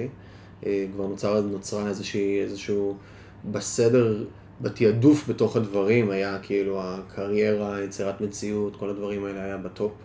אה, ומבחינתי כבר, שזה מצחיק להגיד את זה, אבל בגיל 24-5 כבר לקחתי כמובן מאליו את הבת זוג, שזה בדרך כלל תהליכים שאמורים לקחת קצת יותר זמן. שנורא היה לי ברור, זה מין סוג של פריימים כאלה שיש לנו בראש הרבה פעמים, של אני יודע שהאפליקציה הזאת כבר סגורה אצלי. כאילו, היה לי ברור, אני, עם ענבר אני מתחתן, עם ענבר אני מביא ילדים. וואלה. כן, כזה, כאילו לגמרי, כי אני תמיד הייתי שואל את עצמי, אין לי מספיק פרספקטיבה בגזרה הזאת. יש אזורים שאני יודע לתת תשובות בסימן קריאה. ש- בעולם הזה, של הזוגיות, אין לי מספיק פרספקטיבה, כי לא הייתי בהמון מערכות יחסים, וגם, שוב, לא חוויתי מספיק. אולי אתה גם פחות לומד על זה? מעניין אותי, או שאתה... דווקא לא הייתי אומר שאני פחות לומד לומד? על זה. קורא? כן, לומד? כן, לומד? כן, אני אוקיי. יכול להיכנס לזה, אבל זה... תמיד שאלתי את עצמי בכל זוגיות או אינטראקציה כזאת או אחרת עם המין השני שהייתה לי, תמיד, מגיל צעיר אגב, או 16, שאלה שהייתה עולה לי מאוד מהר, האם הייתי מוכן שתהיה אימא של ילדים שלי? זאת שאלה די מהירה שעולה לי, כי אני... נכון, לא רק לך, אני- שאלה מאוד... אה, כן, כן, אני, אני שחקן אסטרטגי בתפיסה, אני תמיד מסתכל טווח רחוק, לא, טווח, לא מחר בבוקר. אז זאת שאלה שתמיד זה, ועם ענבר זה היה מהרגע הראשון כן, כאילו כזה. ופשוט כבר הגעתי לסיטואציה, כן, ברור, אית- איתה אני מתחתן, ברור שהיא מתחתנת איתי, ברור שזה, ולא נראה לי אופציה כלא, ומשהו זה, אוקיי, זה בניהול ששוב כנראה את יכולה ללמד אותי על זה מהפרספקטיבה שלך. בסוף אתה הולך לטפל בדברים שבוערים כרגע, בגזרות שבוערות, כי אתה, אני, אני היום פתוח בכל כך הרבה דברים, שהרבה פעמים אני צריך את הריאקטיביות של המשהו כדי לגרום לי להבין, היי, שים לב אליי ותקוף את זה ותסדר את זה. אז זה היה נראה לי גזרה שקטה. אז לא השקעתי מספיק, לא הייתי נוכח מספיק בתוך הדבר הזה. ולאט לאט זה הרג את זה והפך את זה למצב שאנחנו כבר הגענו לקראת סוף הזוגיות, אל אה, שני זרים. כאילו כבר היה, הייתה, הייתה, הייתה זרות כבר, לא הייתה את ה... לא הייתה את ה... זה כאילו ה- מהאדם הכי קרוב והכי זה לזרות מסוימת. ופה הגיע שיח אצלי של עם עצמי, של ענבר היא מאוד... היא, היא מאוד הומנית נקרא לזה ככה. תיאטרון מחול בסמינר הקיבוצים, מגיל 16, 14, 15 התנדבה עם, אה, אה, אימצה במרכאות אה, ילד שהוא נמצא על הספקטרום, וכאילו הכל כזה נורא טבעונית, שזה מה שגם... משלימה לך את הצד הרגשי. משלימה לי את הצד הרגשי, וזה גם מה שמושך אותי. בסדר? נכון. גם ה- אה, המשהו הקמאי הזה, הקדמוני של, של הגבר שצריך להיות האלפא, וה tendencies להיות מנטור, זה משהו שנורא יושב לי, וכל הזמן אני, שזה גם, הרבה מהקשר שלנו מתבסס על זה בהתחלה, שאני המנטור בתוך הזוגיות, ואני עוזר לה להתגבר על דברים, ולאט לאט אני כבר, לא המנטור, ואני כבר, הקסם של הדבר הזה נעלם, וזה לקח את זה למקום של אוקיי, כאילו, אתה לא איתי, ואני צריכה את זה. אה, וזה גם שלבים בחיים, אין מה לעשות. אני יכול לנתח את זה מהרבה כיוונים, סטודנטית, מישהו שהוא נמצא, סטודנטית שכל המסגרת הלימודית שלה היא 150 שעות, ואני, שאני עובד 400 או 350 שעות, אז כאילו כל הדבר הזה ביחד גם כן מייצר הכי הרבה לבד. אז יש פה גם את הקיום הפיזי וגם דברים נוספים, והיום כשאני מסתכל על זוגיות, אז אני, אחד, נמצא כרגע בקבלת החלטה לא להיות אקטיבי באזור הזה. וואלה. כן, לא, לא, לא לחפש. אם נכנסים דברים, קורים דברים, אז זה משהו שהוא, יש, אני, אני גם, אני גם לא מאמין בבלוקים.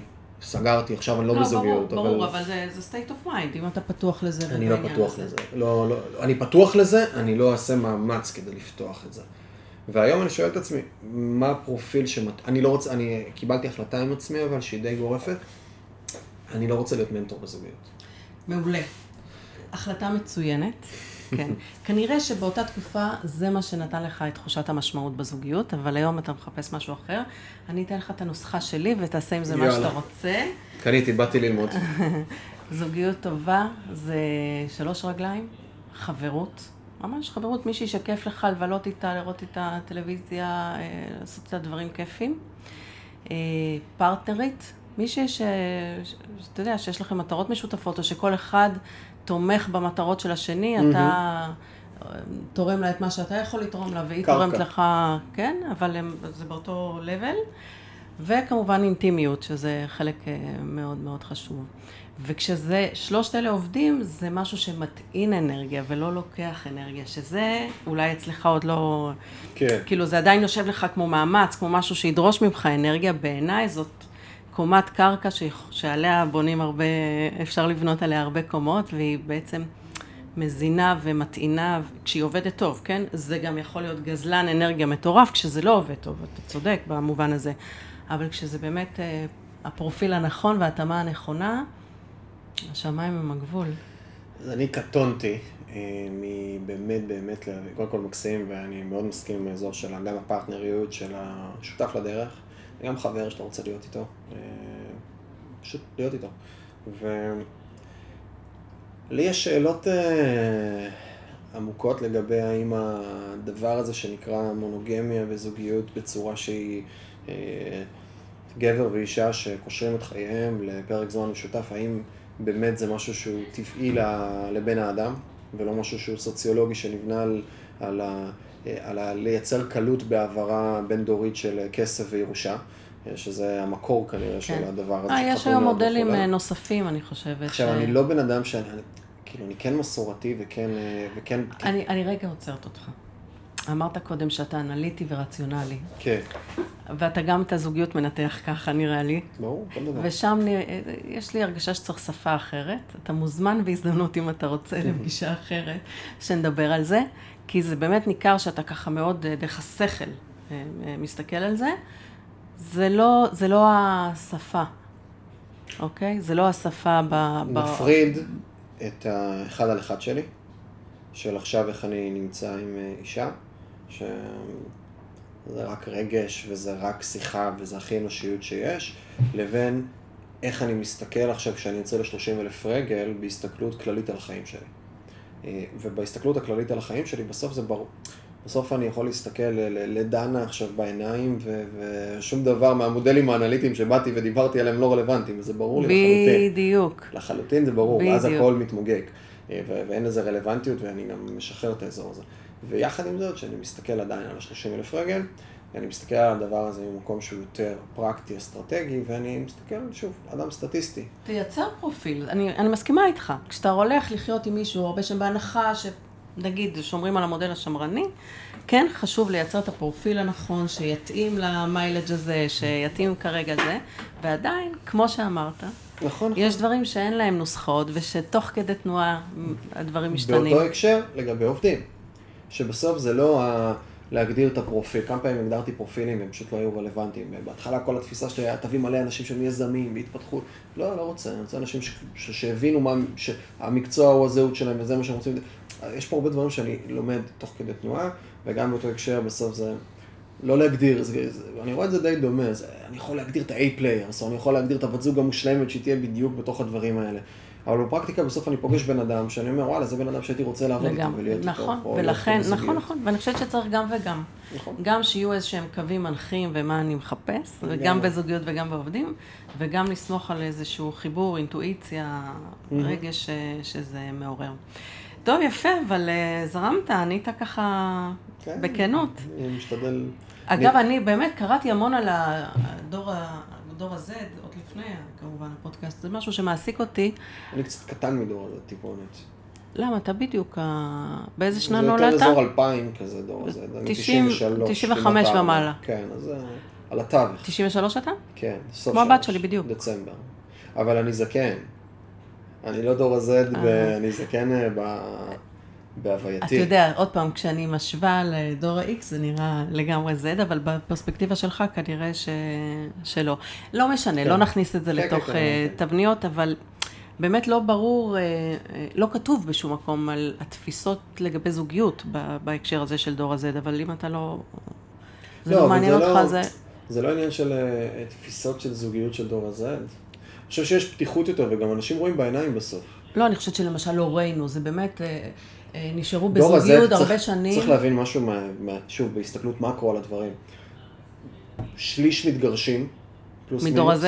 לא, שליש מתגרשים, דור ה-Z עוד לא התחתן. זה אבל בדיוק. שליש, שליש מתגרשים היום בממוצע, מהזוגות שמתחתנים. 50 אחוז באזורים שהם אה, יותר אה, ליברליים, מתפתחים, שם קוד קליפורניה, תל אביב וכאלה.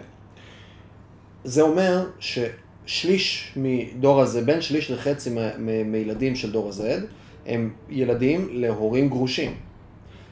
המודל הזה, הם ראו אותו לא... עכשיו, דור ה-X ודור ה-Y, בסדר? גדלו באחוזי גירושין הרבה יותר נמוכים, כי זה לא היה בסדר להיות אימא חד-הורית לפני 50 ו-70 ו-80 שנה. אבל חוו אה, זוגיות מאוד... נוראיות, אה, כן. נוראיות. אז המודל, המודל הזה, כאילו רואים שהוא מתפרק והוא לא עובד, ואני חושב שדור ה-Z הוא הרבה יותר, הוא, הוא חי בווד... בחוסר ודאות טוב יותר מדורות אחרים, וגם המציאות דורשת את זה, חוץ מקורונה, ונצא רגע מקונטקסט סביבתי, כן. אלא להסתכלות שיותר אה, יותר בפנים, הוא, הוא נדרש יותר, הוא מחליף יותר עבודות, הוא נוכח יותר במקומות, הוא, הוא, הוא זז יותר, הוא מחפש את ההגשמה העצמית, ולא רק את היציבות והביטחון, והרבה דברים בגזרות האלה.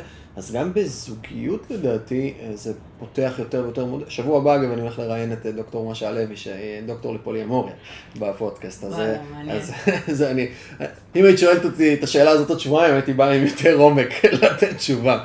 אבל זה שאלה... תבוא סקרן, זה דווקא טוב, תלך סקרן. אוקיי, אז אין איזה, כן, אתה צודק שכל ההתייחסות... זה, זה בדיוק מה שמעניין אותי, מה קורה לדור שגדל בתוך אחוזי גירושים, שגם אם ההורים שלו לא התגרשו, אז מלא חברים שלו ההורים שלהם התגרשו, וכאילו באמת, שהאופציה הזאת היא הרבה יותר, אה, כן. וראו פרקי ב', יש, יש בדור הזה גם מלא, מלא כאלה שאני, דרך אגב, גם אה, גרושה, והילדות שלי רואות פרק ב', וזה באמת, יש להם את ההזדמנות לראות כמה מודלים. ו... וזה מורכב, וסטטיסטית, כשמסתכלים על ילדים להורים גרושים, סטטיסטית רוחבית, כאילו מקרו, מקרו, מקרו, זה הרבה ג'ורדן פיטרסון מדבר על זה, פרופסור ג'ורדן פיטרסון. רמת עושר הרבה יותר נמוכות, הצלחה כלכלית הרבה יותר נמוכה, ועכשיו זה אומר שאני, אני, ומשהו שהוא מובהק, לא כאילו איזה משהו שהוא זה. אז יש פה מודל שלוקח חמיש, בין 30 ל-50 אחוז מהילדים, ובהגדרה נותן להם סיכויי הצלחה יותר נמוכים בסיבוב חיים הזה. אה, כן, זה כשמסתכלים סטטיסטיקה. סטט... נכון, נכון, יש כל כך הרבה כן. אה, משתנים שנכנסים. לא גיל. לא, גיל הילדים, ובאמת איך ההורים התגרשו, ויש כל כך הרבה משתנים. המקום העיקרי, את בן אדם עם רמות מודעות סופר גבוהות, בסדר? וכשאת, אני לא חס וחלילה נכנס ומבקר או יודע בכלל מה קרה, אבל אני מניח שה... האופן שבו זה נעשה, רמת כבוד, הרמת, האופן שבו הילדים היו, היא, היא גבוהה. כי, הר... כי קודם מסתכלים על הילדים, ו... ויש הרבה גירושים שהם פשוט גירושים מאוד מאוד מאתגרים, של הרבה אז, דברים. אה, אז תתפלא, אבל גם שלי היה מאתגר ולא לא כזה. אה, כן, אבל גם מזה, אה, פעם הייתי בטיפול ואמרתי למטפל שלי, מה, כמה כואב לי מה שהילדות שלי רואות בבית. אז הוא, אומר לי, הוא אמר לי, את יודעת למה סנדלר הולך יחף? אתה יודע למה סנדלר הולך יחף? לא נשאר לו מספיק חומר לעצמו. כדי שידע לתפור נעליים נפלאות לאחרים. אז הוא אומר לי, אימא שלהם הלכה יחפה, אז להם יהיו, אז אני מקווה, בינתיים זה נראה ככה. אוקיי, מעולה. אנחנו- אני ככה לקראת סיום. יאללה. אה, אני רוצה לשאול אותך כמה שאלות מהירות כאלה. לכי. בסדר? פינג פונג. אבל מהר, אתה יודע לענות מהר? לא, אז תנסה. אני אנסה. אוקיי. יש לך שעה פנויה, מה הדבר שהכי ככה ימלא אותך באנרגיה בשעה הזאת?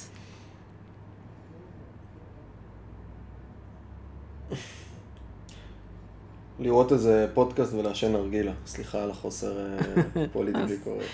לראות פודקאסט, אתה רואה כאילו פודקאסט עם כן, וידאו, אתה מעדיף? וידאו, כן? אוקיי. רק כאילו לרוב. כן. אל תקשיב, אור. בעיה רצינית אצל לקוח או בעיה אישית של עובד? מה קודם? עובד. עובד? יפה. אפס קבלת החלטה. וכשאתה רוצה לפנק את עצמך, לא בקטע של להעביר את זה, לפנק את עצמך, מה אתה עושה לטובת העניין? אוכל, מתוק, כמות אה, מוגזמת. באמת? גולדה כזה, כן, גולדה עם גולדה? topping של אה, בגלה מלוח כזה. אוקיי.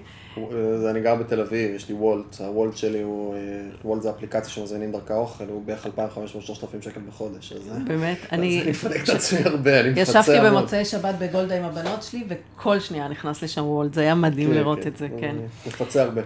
כן. אה, איזו מתנה נתת לעצמך בשנה האחרונה? את האולפן הזה. את האולפן הזה? וואלה, מקסים. אני יודעת שיש הרבה דמויות שמעוררות בך השראה. תן לי אחת שקופצת לך ראשונה בראש. ולמה?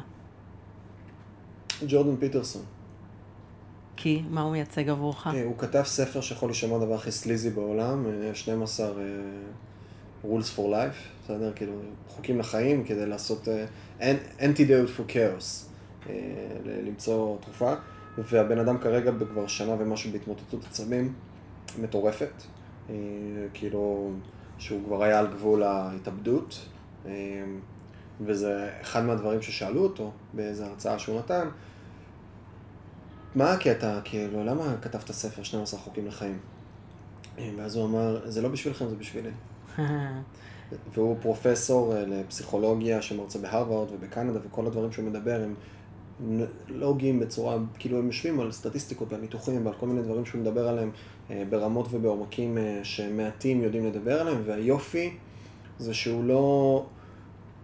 הוא, הוא, הוא לא נותן איזושהי נוסחה חד חד משמעית וחד חד ערכית, אלא הוא נותן איזה שהן פרספקטיבות רחבות, שהוא בא ואומר בצניעות גמורה, חבר'ה, גם אני לא תמיד בסדר וגם אני לומד איך לחיות את החיים האלה בצורה נכונה. אני יכולה להבין למה דווקא אותו בחרת, כן? ממש אה, השתקפות, זה נראה. אה, טרם קיבלתי התמוטטות עצבים. לא, חס וחלילה, גם שלא תקבל, אבל אה, אני יכולה להבין מתוך כל השיחה שלנו, למה דווקא הוא. ו- אה, אתה תמליץ לילדים שלך להיות יזמים? כן, סימן קריאה, אבל רק אם זה יתאים להם. אוקיי, מעולה. יש אנשים שהם לא מתאים להם להיות יזם. הוא צריך, הוא צריך מסגרת כדי להיות יזם. אה, הוא צריך את המעטפת, את הביטחון, את הוודאות, ואז הוא יכול להביא את מלוא אה, יצירתיותו ואת אה, הפרודוקטיביות שלו ואת ההגשמה העצמית שלו. ויש אנשים שצריכים את החוסר מסגרת, כמוני למשל, שאני שום מסגרת, אמרו לי תגיע לבית ספר, לא הגעתי לבית ספר, אמרו לי תבוא לאימוני שחייה, לא באתי לאימוני שחייה, אמרו לי תלך לקונסרבטוריון, לא הלכתי לקונסרבטוריון, אמרו לי לך לצבא, לא רציתי ללכת לצבא. כל דבר שניסו להכניס, פשוט מגיל אפס, אני זז. וזה בטח לא היה פשוט, להורים, אני מניחה, או שכן. איך ההורים שלך קיבלו את זה שאתה... ההורים שלי זה... תמיד הייתי שומר על איזשהו, איזה שהם גבולות מסוימים שלא יכלתי לעבור, כי אבא שלי הוא יליד 48, הוא היה יליד 48, הוא נולד, הוא נפטר לפני ארבע שנים. הוא, זכרונו לברכה, הוא היה מהדור של פעם, הקשוח יותר, שנולד בסוף מלחמת העולם השנייה, לסבא שהיה אה, רופא ו- ובא במלחמה ונשבע על ידי הנאצים, כאילו, סיפורים כאלה של הכל נורא נורא סטיף. אה, וגדלתי במקום של, אני, יש דברים שלא עושים, כאילו, זה, זה, שלא חורגים מהם. אה, הייתי. הייתי ילד, הייתי ז'לוב בן 17 כבר, ופתאום, כיתה י"א, פתאום קיבלתי שיחה, הוא קיבל שיחה, הייתי בחוץ, הוא קיבל שיחה שאני לא מגיע לשיעורי כימיה כבר חצי שנה, וקיבלתי צרחות, הגעתי הביתה, קיבלתי איזה כאפה, הייתי, אני ז'לוב בן 17, כאילו, אני, אני, לא, אני לא, אגב, לא יודע איך הוא הצליח לייצר אצלי את הקונטקסט הזה של, של עדיין להיות ביראה ובפחד. אה, בגיל 17, כאילו, אני מסתכל על עצמי, ילדים שלי בגיל 17 שימו עליי, כאילו, זה לא, לא יודע איך הוא הצליח לייצר את זה. אז זה היה נורא, עדיין הייתי שומר על כן להגיע למבחן, ללמוד את היום לפני ולהוציא 80. כן לסיים חמש אנגלית, חמש פיזיקה, אה, ארבע מתמטיקה, חמש זה כבר היה ממש צריך להשקיע בזה, ותמיד את הקצת יום לפני.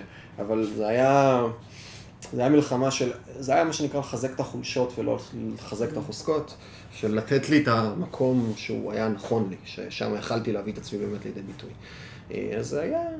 הייתה ילדות אה, מעניינת. גיל ההתבגרות היה גיל ההתבגרות נראה לי. כן. בועט, בועט, כן. כן. 14 להתחיל לעשן, 13 להתחיל להשתכר בגנים ציבוריים, כזה, כי, כי אני חייב אה, לשבור את כל המוסכמות, ואני נורא מיוחד וצריך שישימו לב כן. אליי, כזה. ואיזה אבא תהיה, אם כך? איזה אבא אני? אהיה? איזה אבא אתה רוצה להיות? שאלה מורכבת, כי הפרספקטיבה שאני אענה לגביה היא נורא מצומצמת, כי אני עכשיו אומר את זה ממקום של היכרות עם הרעיון הזה של אבהות וילדים, אבל עד שלא מרגישים את זה ועד שלא נכון, רואים את זה, זה זה אבל אני הייתי רוצה להיות על המקום ש... אה, לא לוחץ אותם לעשות שום דבר, אה, נותן להם את הכלים, אבל לא מכווין אותם בדרך. נותן כאילו, אני רוצה להיות הארגז כלים עבורם, לדבר איתם על תפיסות, לראות מה הם אוהבים, לייצר את הדינמיקה הזאת של לא אני הולך להגיד לך בוא תשב, אני אלמד אותך איך לחיות או איך לעשות דברים, אלא לייצר את הפול הזה שהוא ירצה לבוא אליי, כדי ל... אני רוצה ואת לייצר... הסקרנות הזאת שלך יש אה, ללמוד על העולם? מקווה, אני חושב שזה, יש הרבה...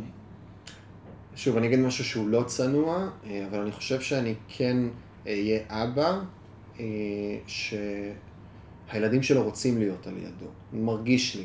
אני יכול להיות שאני אטעה לחלוטין ואני לא מבין מה זה, וזה שוב, אני חוזר למקום של הצניעות ושל אין לי מושג מה זה להיות אבא, ובסוף שילדים רוצים להתעסק בשלם ותשחרר אותי.